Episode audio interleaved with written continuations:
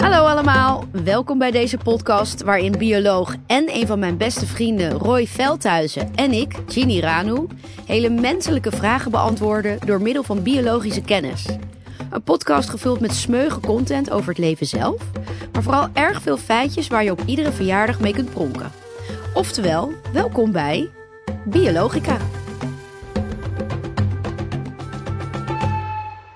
In deze aflevering van Biologica. Er bestaan onsterfelijke dieren, maar kunnen mensen ook onsterfelijk worden? En wat gebeurt er als we steeds langer leven? Wow. Hallo Roy. Hey. Hoe gaat het met je? Goed, hoe gaat het met jou? Oh, je, je gooit hem heel snel terug. Ja, want jij hebt namelijk een bruiloft meegemaakt en die was epic. Ja, die was wel echt Foto's heel... erbij zien komen van ik dacht, oef. Ja, ja, ik had een eh, drie, vierdaagse bruiloft in Spanje inderdaad van een van mijn beste vriendinnen en haar nu eh, man. Ehm, en dat was, het was, ja, het was super intens. Ik ben het nog aan het verwerken. Eh, er, waren, ehm, er was een soort vuurwerkshow. er, er waren drag queens. Er was zo'n eh, zo'n ride the bull stier waar je op kon. eh, waar alle, natuurlijk alle groomsmen heel stoer op zitten. En toen komt Ginny. Nee, Nee? nee, ik ben er niet op gegaan. eh, want de, haar man Brian is springruiter. Zij zelf ook springruiter, José. En zij hebben dus ook heel veel met equestrian friends uit de, Oh, ja. uit de equestrian wereld. En die gingen allemaal op die bulls. En die, ging, die flikkerden eraf met eh, eh, rugblessures en gescheurde boeken. Soort drie de hoeken in dat je dacht, nee, doe maar niet. Nee, ik sla wel even over. Dus eh, Ah. daar ben ik nog een beetje van aan het bijkomen. En verder eh, gewoon de usual stress. Ehm, ja, en ik was, eh, ik had een andere, andere, ik was veel aan het hardlopen, heb ik het nog even over gehad net. Ja, met Norbert, onze redacteur die ook hard loopt. Lekker rennen. Ja, we houden alle drie heel erg van hardlopen. Ja. Ehm, dus. Ja, hey, ja en eh, onderwerp van vandaag dus. ja. Ehm, lekker existentieel. Mhm. Eh, daar hou ik wel van. Dus ik dacht, ik ga je deze even, ik ga je even onderwerpen aan deze ook wel wat filosofische vragen. Ja. Maar misschien moeten we beginnen bij vraag 1. Roy, er bestaan onsterfelijke dieren, maar kunnen mensen ook onsterfelijk worden? Ja, nou, dat dier, eerlijk is eerlijk, daar ben ik niet mee gekomen. Daar kom jij mee. En hoe heet die ook alweer? Die heb ik net eh, vier keer moeten oefenen voordat we live gingen, of live, voordat we aangingen. Turritopsis dorni. Ja, een kwal, even voor de duidelijkheid. Ja. Ja, bizar genoeg is die kwal dus echt in staat om eh, ja, onsterfelijk te zijn. Ja, het hij is is- het eerste en enige dier waarvan we denken dat hij ook daadwerkelijk onsterfelijk is. En hij is regeneratief, toch? Precies, ja, we moeten- Regeneratieve cellen, daar komen we zo op. Ja, daar komen we nog op, maar we moeten misschien zijn levensstadium even uitleggen. Want het is niet alsof hij eh, eh, een miljoen jaar oud wordt zonder eh, te veranderen van vorm. Het is een, een, een bevrucht eitje en dat wordt dan een larfje. En dat wordt dan een polyp. En dat groeit uit als een soort grasprietje. En het bovenste stukje van het Lijkt, grasprietje... wacht even, een polyp lijkt een beetje op koraal wat aan de zeebodem Precies, ja. En het bovenste stukje daarvan, dat groeit dan langzaam uit. En dat wordt dan een kwalletje. Dat Ja. beweegt ook als een kwalletje. De medusevorm heet dat trouwens. Die Ja, komt van, van Medusa. Medusa. Ja, omdat hij ook mensen in steen kon veranderen. Gebonden was aan steen. Ja. Maar ook ta- tentakels had. Alleen waren dat dan slangen op haar hoofd. Ja, Medusa, inderdaad, Griekse godin van de onderwereld. Met heel veel vervelende slangen op haar hoofd. Maar dat, dat kwalletje, en dat is echt een kwalletje zoals wij hem kennen, die Ja. kan bij slechte omstandigheden dus helemaal terug naar dat larvale stadium. Dus dan wordt hij weer een larfje Ja. en dan kan hij dus weer op een rotsje gaan zitten, wachten tot de omstandigheden verbeteren en dan kan hij weer uitgroeien tot een medusevorm. Eerst, eerst tot een polyp en daarna weer een kwal. Insane, toch? En dat doet de Turritopsis dorni op het moment dat er bijvoorbeeld gevaar dreigt of op het moment dat hij ziek wordt. Of dat de omstandigheden van het eh, milieu om hem heen zo veranderen dat hij Ja. denkt, "Pff, mij niet bellen, Maar niet bellen. mij niet bellen. Maar Ja. dat wordt dus niet meer, er, gaat er komt geen bevruchting meer bij kijken. Het is dus gewoon eh, zo'n volwassen kwalletje die dan zelf weer een larfje wordt en weer op een steen gaat zitten. Ja. Een beetje zoals een vlinder die weer een rups in een pop wordt.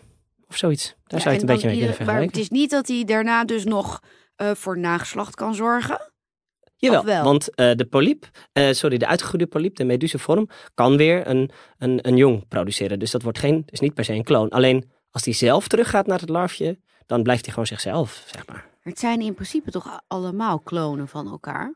Nee, want voordat het een larfje was, is het een eicel die bevrucht wordt door een spermacel. Oh. En dat wordt dan een larfje. En eh, dat larvale stadium, dat is waar een volwassen kwal naar terug kan keren. Oké.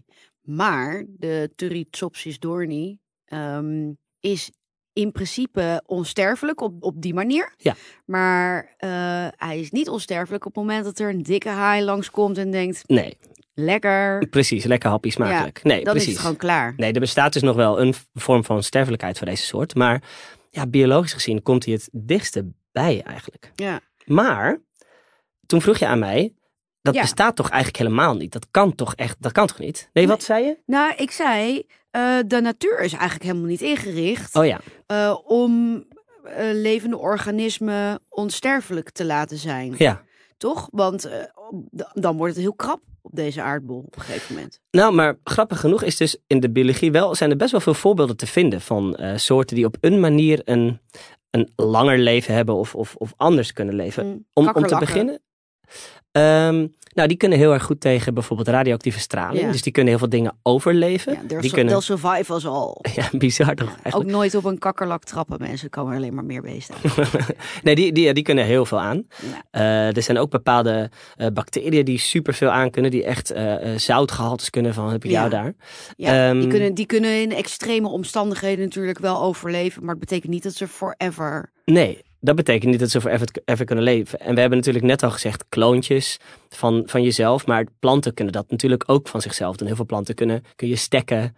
En ja. dan kun je in principe ook denken, is een vorm van onsterfelijkheid. Behalve dan dat het oorspronkelijke, in, oorspronkelijke individu verdwijnt. Mhm.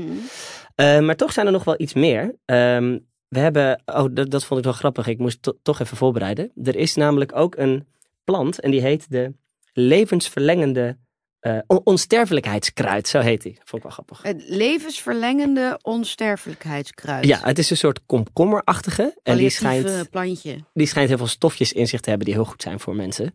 Ehm, maar los daarvan heb je ook ehm, eh, een hydra. En een hydra is een soort. Ja, het zit een beetje tussen een, een, een, een plant en een alg in. Ehm, maar dat, dat, dat kan bewegen. En dat kan een deel van zichzelf afbreken. En dan groeit dat ook weer door. Maar dan groeit de oorspronkelijke eh, donor ook door. Dus dan heb je ineens twee van dezelfde. Mhm. Zoals gisten dat eigenlijk ook dan in Ja, brood. gewoon... eh, of bacteriën toch ook. Die eh, en cellen, die kunnen zich ook allemaal... Ja, maar dit is dus wel een meercellig organisme. Dus het is wel echt iets, iets, iets stoerder dan dat in die zin. Het is wel Oh ja. wat, wat, wat knapper dat deze dat kan. Hydra, just so you know, je bent stoerder dan de rest. ja. ja, lekker gedaan. Ehm, en kreeften. Kreeften die kunnen dus, ehm, eh, die, die verjongen, nee sorry, die verouderen bijna niet. Dus Oh, een kreeft die, die, die moet uit zijn skeletje breken ja. om te groeien. Want aan de buitenkant zit een skelet hè, bij kreeften, bij krabben. Ja, ja. I know. Dat weet ik als ze op mijn bord liggen. Oh, ja. Moet een skeletje kraken. En je hebt dan weer dikke opgezwollen lip omdat je allergisch Ja, bent, toch? dat is waar, ja. Maar wel heel lekker. Maar wel leuk om te zeggen, want hoe dat bij kreeften werkt, die, als die willen groeien, dan breken ze open. Dan, zijn, dan is het, eh, schaaltje eronder is tijdelijk heel zacht. Mhm. Daar pompen ze wat meer vocht in, zodat het in omvang toeneemt. En dan duurt het een paar uur voordat het weer hard wordt. En dan zijn ze dus iets groter geworden. Mhm. Zo worden kreeften ouder. Maar kreeften hebben dus een heleboel reparatie-eiwitjes die fouten van, van eh, reparaties in het lichaam eh, oplost. Mhm. En een oneindige bak aan dat eiwitje hebben zij. Dus eigenlijk kunnen kreeften ook supergoed tegen veroudering. Mhm. eh, behalve dat ze sterven als hun schaal te groot wordt. Waarom? Ja, omdat er een bepaald maximum is aan hoe groot die schaal kan zijn. En dan breken ze eruit en dan kan die schaal niet meer harder worden. En dan hebben ze niet genoeg eh schaaleiwitten om dit schaaltje te maken. En dan sterft de kreeft alsnog. Oh, je bedoelt als zij zelf te groot worden voor hun schaal. Ja, en de laatste grote, de maximale, dat is echt 1,20 meter of zo, bizar. Groter dan dat kunnen ze gewoon echt niet worden. als een station wagon. Precies. En ehm, nog eentje, en dat is wel echt mijn favoriet, de naakte molrat. Oh ja, die is toch heel cute. Eh, Hij is naakt en hij heeft... eh, ja, Hele gekke tandjes aan de Hele buitenkant van zijn mond. Dus ja, hij ziet er ook een beetje viezig uit. Ja, en ehm, het is een, een, een zoogdier dat in een eh, kolonie leeft zoals wespen dat doen. Oh ja? Dus hij heeft een koningin en het heeft werksters. Oh, Misschien moeten we daar nog een andere keer over verder praten. want Ja? die- Dat vind ik heel tof. oké. is goed. En die hebben een beetje iets vergelijkbaars met die, eh, die kreeften. Die kunnen gewoon ehm, heel goed tegen ouderdomskwalen. Die ontwikkelen geen ouderdomskwaaltjes. Hmm. Uh, die sterven uiteindelijk wel omdat ergens in hun eiwitten is er ergens een tekort aan en dan hebben ze er niet genoeg meer van en dan sterven ze. Ja. Maar ze kunnen dus, ze hebben geen spierziekte. Geen kunstheupjes geen, nodig. Nee, geen dementie. Nee. geen looprekje. Ik ben blij dat je tegenwoordig wel mijn grapjes lacht af en toe. Heb je de krekels gehoord in aflevering 1? ja. Oké, maar Um... Dus helemaal nieuw is het niet in de dierenwereld. Maar het is wel zo dat wat die kwal kan, is echt bizar. En daarom zijn er dus massaal allemaal onderzoekers op gaan, gaan zoeken. Want ja, als je echt helemaal terug kan naar een soort oorspronkelijk babystadium. Ja, ik vraag me dan af waarom. Waarom is dat dan? Waarom zijn zij zo geprogrammeerd? Of is dat een fout van de natuur? Of is dat juist niet een fout van de natuur? En weet je, wat is ook het nut uh, van die kreeft? En als ik deze vraag stel, dan wordt het al heel snel heel filosofisch. Want we geloven allebei ook juist in toeval en dat niets per se een reden heeft. Ja. Uh, maar in de natuur, de, de, de manier waarop de natuur geprogrammeerd is, heeft alles meestal nut. Ja, je zei heel even kreeften, maar bedoel, je bedoelde die kwal, toch? Ja, maar ook die kreeften, dat die dan oh. bijvoorbeeld heel goed daartegen kunnen. Dus waarschijnlijk ze, omdat de natuur wil dat wij ze opsmikkelen. Zodat ze lekker groot Hier en dik heb worden. je een 1,20 meter kreeft. Ja. oh, wat erg. Uh, sorry, Partij van de Dieren, love you. nou, um, dan heeft het dus toch een voordeel opgeleverd. En, en daar geloven jij en ik allebei in. Ja. En misschien zijn er kritische luisteraars die dat niet zo doen, maar wij geloven er echt in als een, een, een, een toevallige mutatie in, in, in, in het ontstaan van een individu mm, een heel groot voordeel mee, me- met zich meebrengt mm, ten opzichte van andere individuen van dezelfde soort. Ja, dan is dat voordeel toch onderscheidend. En dan heb je daarmee misschien wel meer kans om te overleven of misschien meer kinderen te krijgen. En Ja. aangezien je je kinderen zelf maakt, geef je dus die genen in een groot deel van de gevallen zelf weer door aan die, aan die kinderen. ja.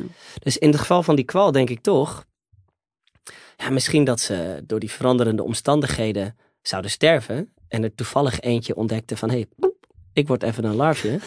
Kijk mij gaan jongens, jullie allemaal, jullie allemaal dood en hier ben ik nog. Ja, het is toch een toevalstreffer geweest die een voordeel heeft ge- opgeleverd. Hoe verouderen wij dan als mensen? Ja, nou, als mensen verouderen we eigenlijk omdat ons... ehm, nou, we hebben, we hebben weefsels, vier, vier soorten weefsels zijn we eigenlijk maar uitgebouwd. Ehm epitheel, dus de buitenkant. Dat is huid. Ja. Maar ook de binnenkant van je slokdarm. Eigenlijk zijn we een soort holle buis aan epitheel. Dus alles van mond tot kont is ook helemaal epitheel. Oké. ja, Ja. ja. Dus dat buisje in het midden is ook. Ehm, dan hebben we natuurlijk eh, bindweefsel, dat zit daaronder, onder je huidlaag. Mhm. Eh, dan hebben we spierweefsel en zenuwweefsel. Ja. Dat zijn eigenlijk de vier, nou grofweg zijn dat de vier eh, weefsels waaruit we zijn opgebouwd. Ja. Ehm, we bestaan natuurlijk ook nog uit bot, vet, et cetera. Maar dat zijn allemaal onder, ondersteunende bindweefsels. Sommige meer dan andere. Zware botten heb je? Daar al. Ja, en je hebt me ook al een keer dikker genoemd. Maar Nee, ik heb gezegd dat je spekpels Ook als spekbolsjes. Maar goed. Anyway, ja, sorry. Ehm, maar biologisch gezien sterf je omdat die vier weefsels, ehm, eh, die slijten. Ja. Daar komt het op neer. Kopieerfoutjes van die weefsels, die slijten. Ehm, er is een, vorm van roest aanwezig in alle vier van die weefsels. In sommige meer dan andere. Je zenuwen die zijn best wel goed. Ehm, huid heeft daar iets meer last van. Dat veroudert, veroudert iets sneller. Maar uiteindelijk verouderen alle vier die weefsels. En ja, als het over tijd slechter wordt, dan verlies je dus spierkracht. Eh, je aderen gaan verkalken. Eh, je krijgt misschien wel hersenziektes. En ehm, ook eh, komt er een meer groter risico op bijvoorbeeld kankers. En dan langzaam maar zeker sterf je aan een ouderdomsziekte. Ja, want ehm, ik weet niet of je dat nou in een eerdere aflevering had uitgelegd of in een proefaflevering die wij hebben opgenomen. Oh ja, een van de Een van de. zeven natuurlijk. Ehm, maar je had het net ook even over kop- kopieerfoutjes. Maar ons DNA maakt gedurende ons leven eigenlijk telkens een kopie Ja. van zichzelf. Alleen dat kopietje is een kopietje van een kopietje van een kopietje. Dus dat DNA wordt steeds minder. De cellen van het DNA worden steeds minder sterk. Klopt. Waardoor we uiteindelijk verouderen.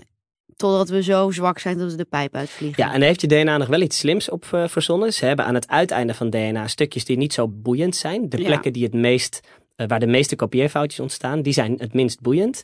En eh, hoe langer die stukken zijn, hoe, hoe beter je als persoon bestand bent tegen die veroudering. Maar vroeg of laat veroudert iedereen. ja. En dat gebeurt eigenlijk bij alle dieren, koudbloedig, warmbloedig. Ehm, het is wel zo dat koudbloedige dieren dan een iets trager metabolisme hebben. Dat betekent dat hun Mhm. cellen iets minder snel regenereren. Dat betekent dus ook dat zij minder snel kopieerfoutjes maken dan Mhm. warmbloedige dieren. En, En en- meta hoogmetabolische dieren.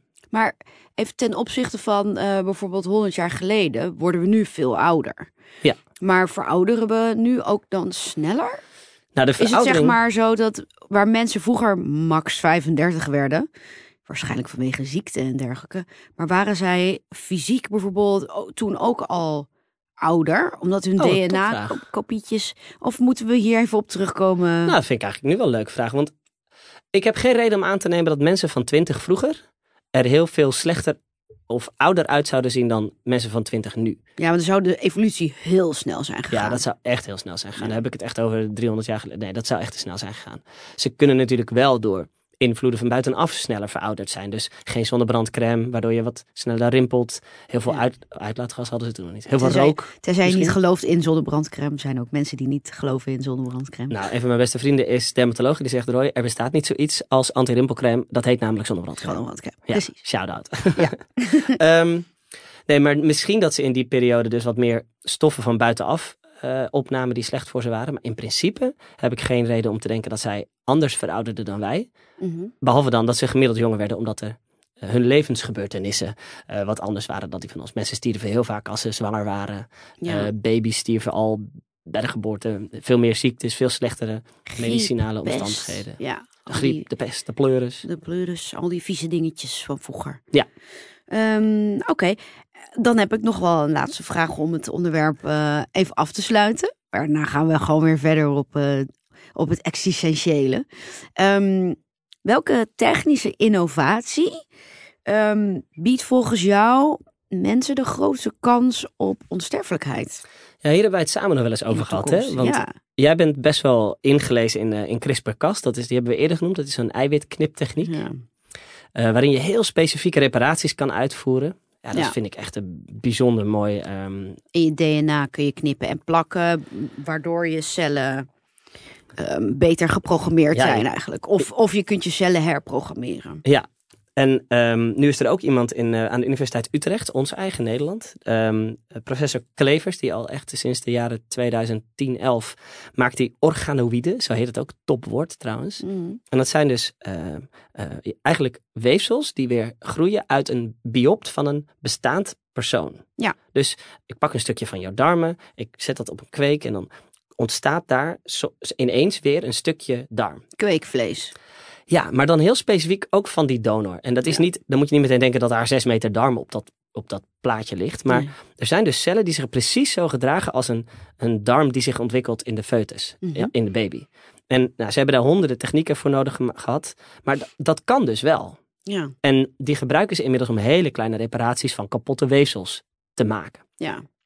Maar in theorie zou je natuurlijk ook kunnen zeggen: doe mij eventjes een, eh, een darmbiopt en eh, groei vast even een, een nieuwe darm voor me in, die la- in dat laboratorium. Ja. Dan kan ik nog even een paar jaar voort.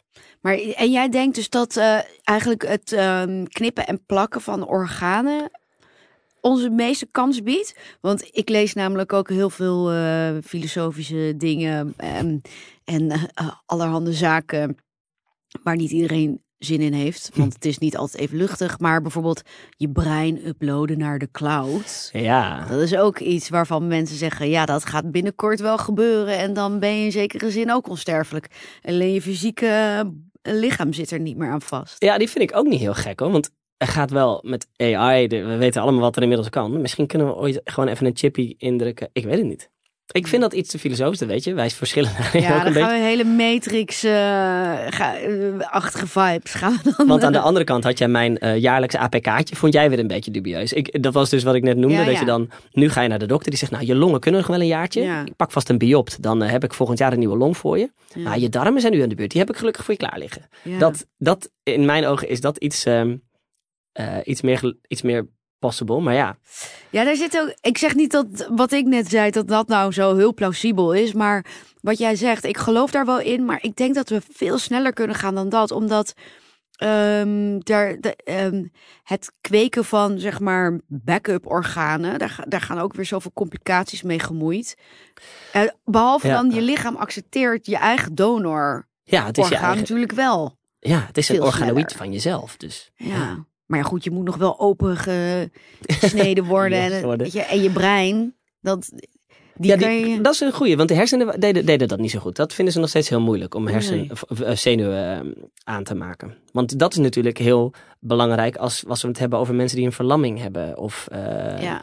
stel dat je een stuk zenuwweefsel helemaal kan, van jezelf een biopt kan nemen en dan een zenuw kan her, her- ja, reproduceren. Dat zou wel echt heel tof zijn. Ik vind het ook zo vet dat ze tegenwoordig ook van die exoskeletten hebben die ook gewoon daadwerkelijk werken. Ja, dat heb ik ook gezien. Zo futuristisch. Je bedoelt dat, dat die, een soort van stoel die dan ineens ook kan opstaan en dat mensen Ja. echt een soort robot Ja. buitenkant hebben. Ja, maar je hebt eigenlijk een robotische armenondersteuning. Zodat je, maar die je eigenlijk ook aanstuurt. überhaupt het feit dat je met, eh, met je hersenactiviteit een hele robotische arm of been kan aansturen. Het kost Ja. alleen knetterveel geld. Dus het is niet voor iedereen toegankelijk. Maar dat is er Nu al. nog. Ja, dat is er Ja. al. Maar misschien iets dichter bij huis. Wat er dus wel is uitgevonden in ehm, halverwege de, de, de tens, ergens 2016, 17. ehm, een, een, een proces dat jouw ehm, eh, slechte cellen, beschadigde sle- slechte cellen kan eh, reversen. Dus, of kan vertragen. Dus Mhm. er is al een vorm van vertraging van ouderdom Mhm. in, in, in weefsels mogelijk. Mhm. En ja, dat zou echt wel heel tof zijn, toch? Dan, ja, sorry. Ik Nou ja, maar ik heb als motto dat ik 150 word. Dus dat zou met zoiets best wel plausibel zijn. Ik- Oh, oh. Ja. Met al die chocola die bij jou je holle in verdwijnt. Met het laadje van jou thuis, dan weet ik het nog niet. Nou, maar als je die weefsels mag, die verouderingstechnieken mag gebruiken, mag geloven, dan eh, is dat misschien niet best wel in de toekomst mogelijk. Ja, daar heb ik botox voor. Zo noemen ze dat. Dus om even samen te vatten, eh, er bestaat wel onsterfelijkheid. Alleen niet onder de mensen. En of dat ons gegund is, als je dat moet willen überhaupt. Want ja, heel even, de pensioenleeftijd gaat dan ook omhoog. En dan moeten we veel langer doorwerken en dat soort dingen. Er gaat heel veel complexiteit met eh, onsterfelijkheid eh, gepaard. nee, maar als conclusie dan eventjes, een, een, een mens is bio- biologisch gezien, zonder ingrepen, eh, niet onsterfelijk te maken. Er zijn wel technieken die we afkijken van de natuur, waarin dat misschien wel in de toekomst te doen is. Maar de vraag is een beetje of we dat wel moeten willen. Want ja, eh, allemaal heel oud worden? I don't know man. Alleen leuke mensen. Alleen, oh, deal. Ja, we hebben nog een onderwerp en die sluit hier heel mooi op aan. Eh, want we hadden het net over eh, dat eh, misschien alleen leuke mensen dan een stukje ouder mogen worden. Maar wat gebeurt er eigenlijk als we langer leven? Ja, nou, ik denk dat we moeten beginnen bij wat, wat gebeurt er als, als we langer leven? Hoe- Hoeveel ruimte nemen we in? Want qua ruimte vind ik, als ik eerlijk ben, vind ik het nog best wel te doen, toch? We hebben nog ontzettend veel ruimte op de aarde. Ja, ik kan hele continenten aanwijzen die voor 90% onbewoond zijn. Ja, maar als we steeds langer leven, eh, is er dan wel ruimte genoeg? Want hoeveel Ja, ruimte hebben we nu eigenlijk op de aardbol? Nou, ehm, oppervlakte. Ja, dat is wel gek, hè? Want ik denk dat die ruimte is vooral als die moeten we dan gaan bebouwen. En heel veel van de ruimte die nu onbebouwd is, wordt gebruikt voor het maken van voedsel. Mhm. Maar goed, laten we daar nog even niet over. Laten we even, even houden aan de ruimte. Met, met een beetje goede technieken kan je hele hoge wolkenkrabbers bouwen. Ja. Ik zie in China praktijken dat er een miljoen mensen in een trein kunnen, omdat ze gewoon aan de buitenkant die deuren dicht blijven Ja. duwen. Ja, nou, ik, ik denk wel dat we echt nog heel veel groter zouden kunnen worden in oppervlakte. Ja. En dat je gewoon de hoogte ingaat of zo? Ja, Of de diepte? Oh, de diepte. Dus of de zee. Ja? Een soort Atlantis 2.0. Dat iedereen met een, met een lift zo naar de min 70ste verdieping gaat en daar lekker slaapt. Ja. Ik eh, krijg allemaal hele eh, futuristische plaatjes in mijn hoofd. Van eh, eigenlijk een Blade Runner, weet je wel. Gigantische wolkenkrabbers met vliegende auto's en dat soort dingen. Dan, Ja. dan wordt het een beetje dat, toch? Nou, dat denk ik wel. Dus laten we dat zeggen. Dus qua ruimte, als we gewoon allemaal drie keer... Dan hebben we nog wel heel lang te gaan voordat, voordat het vol is qua oppervlakte. Ja. Eh, maar we hebben hem nu al een paar keer aangetikt. Ik denk dat de volgende vraag is de schaarste. Ja. Dan komt er heel veel schaarste overal van, toch? ja, is er dan nog genoeg voedsel op de planeet? Nou, ik, ik heb heel mooi ooit een metafoor gezien. Dat is, eh, neem een appel. En eh, schil die appel eh, Ja. op alle vlakken waar de aarde water is. Ja. Dus dan hou je alleen maar een paar continenten over. Dat is bebouwbare grond. Ja. Alleen dan rekenen we alle bebouwbare grond. Daarvan is echt meer dan 80% is onbebouwbaar. Omdat het te zout is, of te droog is, of te, te nat is. Ja. En als je al die strookjes van die, van die appelschil afhaalt. En je houdt wel de hele appel over, heb je echt maar een mini-strookje waar dan bebouwbare grond overblijft. Ja. Waar die hele planeet mee gevoed moet worden. Ja. Die hele appel. Ja, ja. dat kan gewoon niet. In de Sahara kan je niks verbouwen. Ik hoor heel vaak gemixte verhalen over of er nu bijvoorbeeld echt een schaarste heerst. Als je er nu zo naar zou kijken. Want anderzijds worden er namelijk ook discussies gevoerd over ehm, bijvoorbeeld GMO's. Ehm, Genetisch gemodificeerde. ja, wat organismen. eigenlijk ten behoeve is van eh, het oplossen van wereldhonger, maar eigenlijk weer ingezet wordt in een neoliberaal kapitalistisch systeem. Om maar eentje uit. Om maar even wat uit mijn mouw eh, te, uit mijn, eh, uit mijn, hoe zeg je dat? Nou, ik kom er niet meer Uit uit. je brein te Uit mijn schudden. brein te, sch- brein Nou, maar- te schudden. Ehm, dus Weet je nog die, die test van de Wereld Natuurfonds een paar jaar terug? Die dan nee. van iedereen vroeg, ik weet niet welke test. eh, hoeveel aardes heb jij nodig, was de vraag. oh ja, nou, En dan, als, je- dan kon je jouw levensstijl invullen. En als iedereen dan leefde zoals jij leefde, dan had er- in mijn geval had ik 4,5 aardbollen nodig. oké, nou, humble. Ja.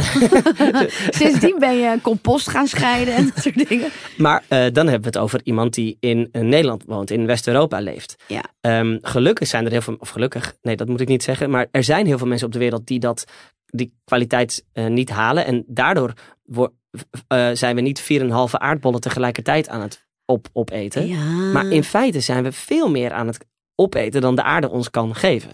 Maar komt dat niet ook omdat wij Westerlingen ook overconsumeren? Precies. Ja, En helemaal als je het dan teruggrijpt naar de, naar de basisvraag. Als we allemaal 150 worden en we gaan ervan uit dat de wereld genoeg ruimte heeft. Dan hebben we ook heel veel meer nodig. Dan hebben we eh, voedsel nodig. Maar dan heb je ook ehm, privacy nodig. Waar, eh, hoe gaat het met de mentale staat van een persoon die echt in een wereld leeft waar, waar je hutje mutje leeft met een miljoen anderen? ja en waar de, de velden of de plekken waar je eten kan verbouwen misschien ook wel in de lucht helemaal gaan. Ja, hoeft natuurlijk niet plat op de grond te blijven. Je Nee. kan ook een flat maken met, eh, waar je allemaal voedsel in kweekt. Dat gebeurt natuurlijk ook bijvoorbeeld met paddenstoelen. ja dat kan. Eh, maar dan moet je er wel vanuit gaan dat er genoeg water is. Waar halen we al het zoete water vandaan om Oh, dit ja. voor elkaar te krijgen? Om, om al die mensen te laten drinken. Dus ik denk dat Ja. die schaarste echt in de brede zin van het woord, dus ru- ruimteschaarste, voedselschaarste, maar ook psychische schaarste in de zin van privacy. Volgens mij gaan we dat allemaal niet redden. Volgens mij komen we echt binnen tien jaar van de koude kermis thuis. Pleegt iedereen zelfmoord? Worden we aangereden omdat er een miljoen bussen rijden? ja.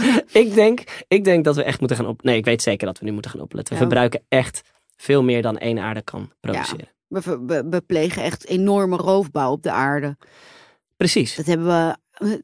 Ja, dat, nou, ik wou zeggen, dat hebben we altijd al gedaan, maar dat is natuurlijk niet zo. We, ik- ik, vind de mens soms wel eens eh, het grootste virus op de aardbol. Eh, nou, is niet, ja, niet heel gek gedacht. nou ja, bedoel, we zijn wel heel destructief voor eh, zowel onszelf, maar vooral voor de planeet. We zijn heel veel aan het nemen van de planeet en we geven niet zoveel terug. Nee, maar ik denk ook dat wij dus intelligent genoeg zijn om nu nog te snappen wat het probleem is en het op te lossen. Want er zijn wel hele mooie ehm, oplossingen mogelijk. Ja, Ehm, ik denk alleen dat we nu allemaal wakker moeten worden en da- daarin moeten gaan investeren en ons daarop moeten gaan focussen. Want het kan nu nog, denk ik. hoe? Nou, er zijn, er zijn mensen die dit overigens al niet meer met me eens zijn. Die denken echt dat het, eh, dat het al de verkeerde kant op gaat. Maar laten we be- bijvoorbeeld de opwarming van de aarde bedoelen. Mm, eh, nemen. Ik denk dat we de opwarming van de aarde kunnen verlagen door veel minder te produceren op hele grote afstanden van waar het oorspronkelijk hoort te groeien. Ja, daar ben ik het mee eens. Maar dan komt ook weer complexiteit eh, om het hoekje kijken. Want als je dat bijvoorbeeld wegneemt, dan hebben die landen, die, die kunnen die productie ook heel vaak dan weer niet kwijt in het eigen land, omdat ze daar geen geld voor hebben. Dus dan krijg je economische eh, problematiek. Waar? Oké. Eh, ander punt dan. De eh, vliegbewegingen verminderen, gewoon Ja. uitstoot verminderen. We hebben al oplossingen van brandstof die veel, meer, eh, veel minder uitstoot genereren. En toch gebruiken we ze niet heel massaal. Nee, want daar is waarschijnlijk dan te weinig geld mee te verdienen. Ja, precies. Er is een lobby op of er is te Ja. weinig geld mee te verdienen. Ja, wij kunnen dit niet met z'n tweeën oplossen, denk ik nu in dit Nee. gesprek. Maar ik denk wel, en dat wil ik ook helemaal niet presenteren. Oh ja, ik maar- wil het wel presenteren hoor. Geef ons nog een half uurtje. Maar ik denk, we moeten. Jij noemde de mens net een virus. Ik denk dat we moeten snappen dat we, eh, als er een oplossing komt, dat de mens degene is die die oplossing moet formuleren. En we zijn slim genoeg om dat te kunnen. Maar laatste vraag voordat ik naar de echt laatste vraag ga. Denk je niet dat de natuur het altijd vanzelf oplost? Ik denk niet, namelijk niet dat wij sterker of slimmer zijn dan de natuur. De, de natuur lost het wel op. Ja, wij zijn fucked. Als wij niet onze slimheid gaan gebruiken om dit op te lossen, dan zijn wij sowieso fucked. Want ik denk, heb je Chernobyl nog wel eens gezien op video's onlangs? Ja, vorige week nog. dat, dat floreert echt, hè? ja, nee, ik bedoel, de mens heeft het verneukt, maar dat, dat floreert Ja. niet. Pardon. Eh, daar zit, daar, bomen groeien, er lopen weer dieren rond. Ja. En ik, dus ik, ik ben het met je eens. De natuur vindt altijd een oplossing. De- nature finds its way. Maar willen wij nog onderdeel zijn van die toekomst, dan moeten we nu snappen dat we slim genoeg zijn om het op te lossen. Ja, of we vertrekken met z'n allen in de shuttles van Elon Musk naar Mars. Yes man, laten we, laten we Laten we die even gaan koloni- bekoloniseren. nou, dan nu een makkelijke vraag. De allerlaatste vraag. Roy, hoe oud zou jij willen worden? Eh, Zonder hulp van technologische nou, ik vind, ik, zag, ik sprak laatst, dat was met jou, zaten we op het terras en toen zat er iemand naast ons van bijna 80. Oh En ja. die zat nog heerlijk even een drankje te doen in de pijp en ik dacht, nou zo wil ik wel 80 worden. Eigenlijk Ja. wil ik wel 90 worden op die manier. ja. Hangt er wel een beetje vanaf hoe. Ik wil niet helemaal in een bejaardentehuis eindigen. En, eh, maar ergens zo tussen de 80 en de 90. Jij? Ja, dat lijkt me ook heel gezellig. Vooral met jou. Ja, dat is waar. Oké, nou dan gaan we ons best doen. Samen het bejaardentehuis in en dan eruit. Gezellig. Samen in de kist ook misschien. Gezellig. Dankjewel voor vandaag. Ja, dat was hem weer. Lieve mensen, bedankt voor het luisteren van weer een aflevering van Biologica. En volgende week zijn we ook weer terug en dan bespreken we nieuwe vragen. Hm, Klopt. Willen jullie nu graag zelf een vraag inleveren? Loop je rond met een interessante vraag en ben je benieuwd wat de verklaring daarvan is? Stuur een DM naar Biologica de podcast.